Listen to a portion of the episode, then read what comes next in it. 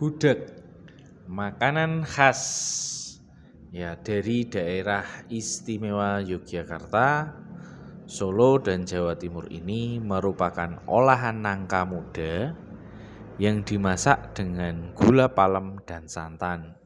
Jadi rasanya manis. Sebagai salah satu kuliner Indonesia yang sudah mendunia, cukup banyak negara yang ingin mengimpornya dalam bentuk makanan kaleng.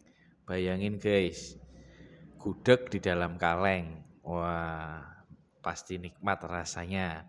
Menariknya lagi, di Melbourne, Australia, ternyata ada salah satu restoran yang menyediakan gudeg asli Indonesia. Tuh guys, bayangin aja. Di Australia aja ada yang jualan gudeg. Nah, bagi kalian yang belum pernah merasakan gudeg, cobain deh rasanya gudeg itu kayak apa. Pasti nikmatnya kayak mau meninggal katanya.